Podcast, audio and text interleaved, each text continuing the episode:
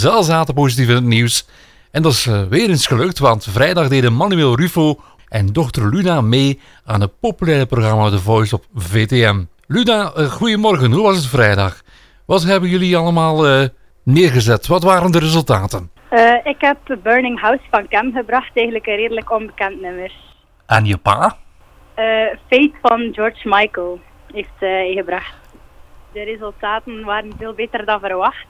twee gedraaide coaches en ja, het feit dat ik voor een keuze stond en dat ik eigenlijk nog kon kiezen, dat is eigenlijk een luxe dat je hebt. En het is eigenlijk heel goed uh, uitgedraaid. Dus Alex en Natalia, dus uh, ja, dat waren eigenlijk de twee coaches waartussen dat ik sowieso al aan het twijfelen was.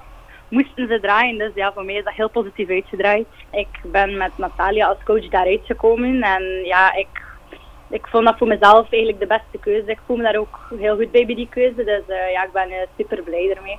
Ja, zingen, uh, podium, zit dat al lang in de bloed? Zingen, zingen wel al meer dan het podium. Want ja, zingen dat, dat is een dagelijks ritueel. Maar op podium staan, dat is, me eigenlijk, dat is eigenlijk pas gekomen sinds dat ik echt musical ben gaan doen. Daar heb ik eigenlijk echt podiumervaring wel, ben ik dat beginnen opdoen eigenlijk. Um, en ja, ik doe nog maar musicals sinds dat ik in het derde middelbaar zit, dus dat is nu ongeveer bijna drie jaar. En ja, voor de rest had ik eigenlijk nog niet vaak op een podium gestaan. Um, gewoon onder de douche in het begin? Ja, ja zoals velen. Door het huis, op de kamer. Maken jouw pa aan de lijn? Ja hoor. Dankjewel. Hier is de papa.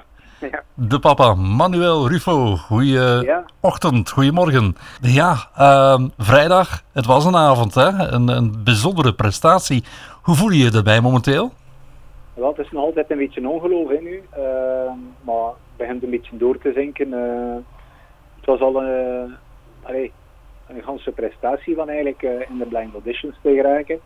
En dat was ook mijn doel. En het was ook mijn doel natuurlijk om het te verzwijgen voor mijn dochter. En eigenlijk op het laatste moment eigenlijk te zeggen dat ik, dat ik eigenlijk ook door de preselecties geraakt was. En dat ik eigenlijk ook mijn blind audition moest doen.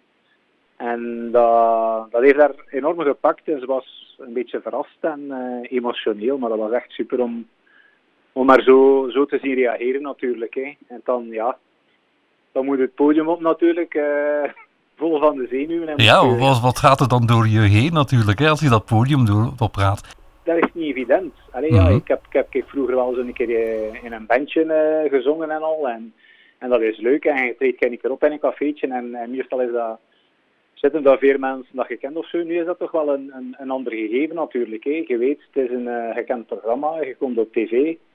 Uh, vier gekende artiesten die met hun rug naar u uh, toegedraaid zitten. En ja, gaan ze afdrukken voor u, gaan ze niet afdrukken voor u. Ik moet eerlijk zeggen, tot op de laatste drie seconden van mijn nummer dacht ik van dit gaat niet goed. Maar in de laatste drie seconden, ja, duwt Alex zijn, uh, zijn buzzer en eigenlijk draait hem om. Dus ja. Het was voor mij een verrassing. Ik was, ik was enorm blij verrast. Ik was blij dat ik, dat ik door was naar, naar de volgende ronde ermee. En we zetten ons gesprek verder met Manuel Rufo Molero, die meedeed aan The Voice afgelopen vrijdag. Manuel, vertel eens, hoe moet het nu verder? Ja, ik vind het, ik vind het een, een leuke ervaring. ik kijk al uit naar, naar de volgende ronde. we gaan nu kunnen in de toekomst kennis maken met al de mensen die waarschijnlijk in Alex zijn team terechtkomen. En een keer dat zijn team vol is, veronderstel ik afgaande op hetgeen dat kennen van de vorige seizoenen, uh, dat we wel allemaal samen zullen zien hoe dat opgedeeld gaat worden. Want de volgende opdracht voor ons eigenlijk is de knockout. En zoals ik het vernomen had, denk ik dat we opgesplitst gaan worden in groepjes van drie. En dat we tegen elkaar zullen moeten opnemen. En dat er van die drie mensen één iemand gaat doorgaan, denk ik. Dus ja, het is nog een beetje afwachten, uh, ook welk nummer dat ik zal krijgen van... Uh... De strijd is nog niet gestreden.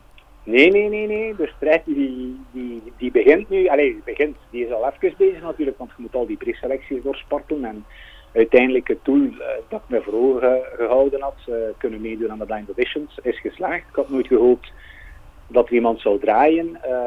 Alex heeft, als enige coach eigenlijk voor mij gedraaid. Hetgeen dat mij vlijt eigenlijk wel, want de Alex is is van nature niet, niet de gemakkelijkste en die draaien niet voor iedereen. Dus uh, en nu is het afwachten welk, welk nummer dat ik zal opgelegd krijgen om, om in de knockouts te battelen eigenlijk tegen, tegen mijn medekandidaten. Want de strijd die gaat eigenlijk verder. Hè. Je moet het zo bekijken op het einde van de rit. blijven er maar drie over bij elke coach die dan naar de live shows gaat. Dus allee, het is vechten voor een plaatje, zou ik zeggen. Um, wat ik ook weet, dat is dat je, dat je graag buiten het zingen nog graag uh, stemmetjes imiteert. Klopt dat? Oh ja, ja. Ik heb zo van die typetjes in mijn lijst zitten die er af en toe een keer moeten uitkomen. Kan je zo een keer eentje doen op de radio hier? Hallo voor uh, al de luisteraars van de ZRO dingen. Ik heb vrijdag kwam ik het podium op en ik dacht dat ik moest boksen, maar plots stond er een micro voor mijn neus. Dus heb ik maar een liedje gezongen. Manuel Rufo en dochter Luna, bedankt voor jullie bijdrage. Is nog het einde van dit praatprogramma. Nog een geweldige zondag. Tot volgende week. Dag.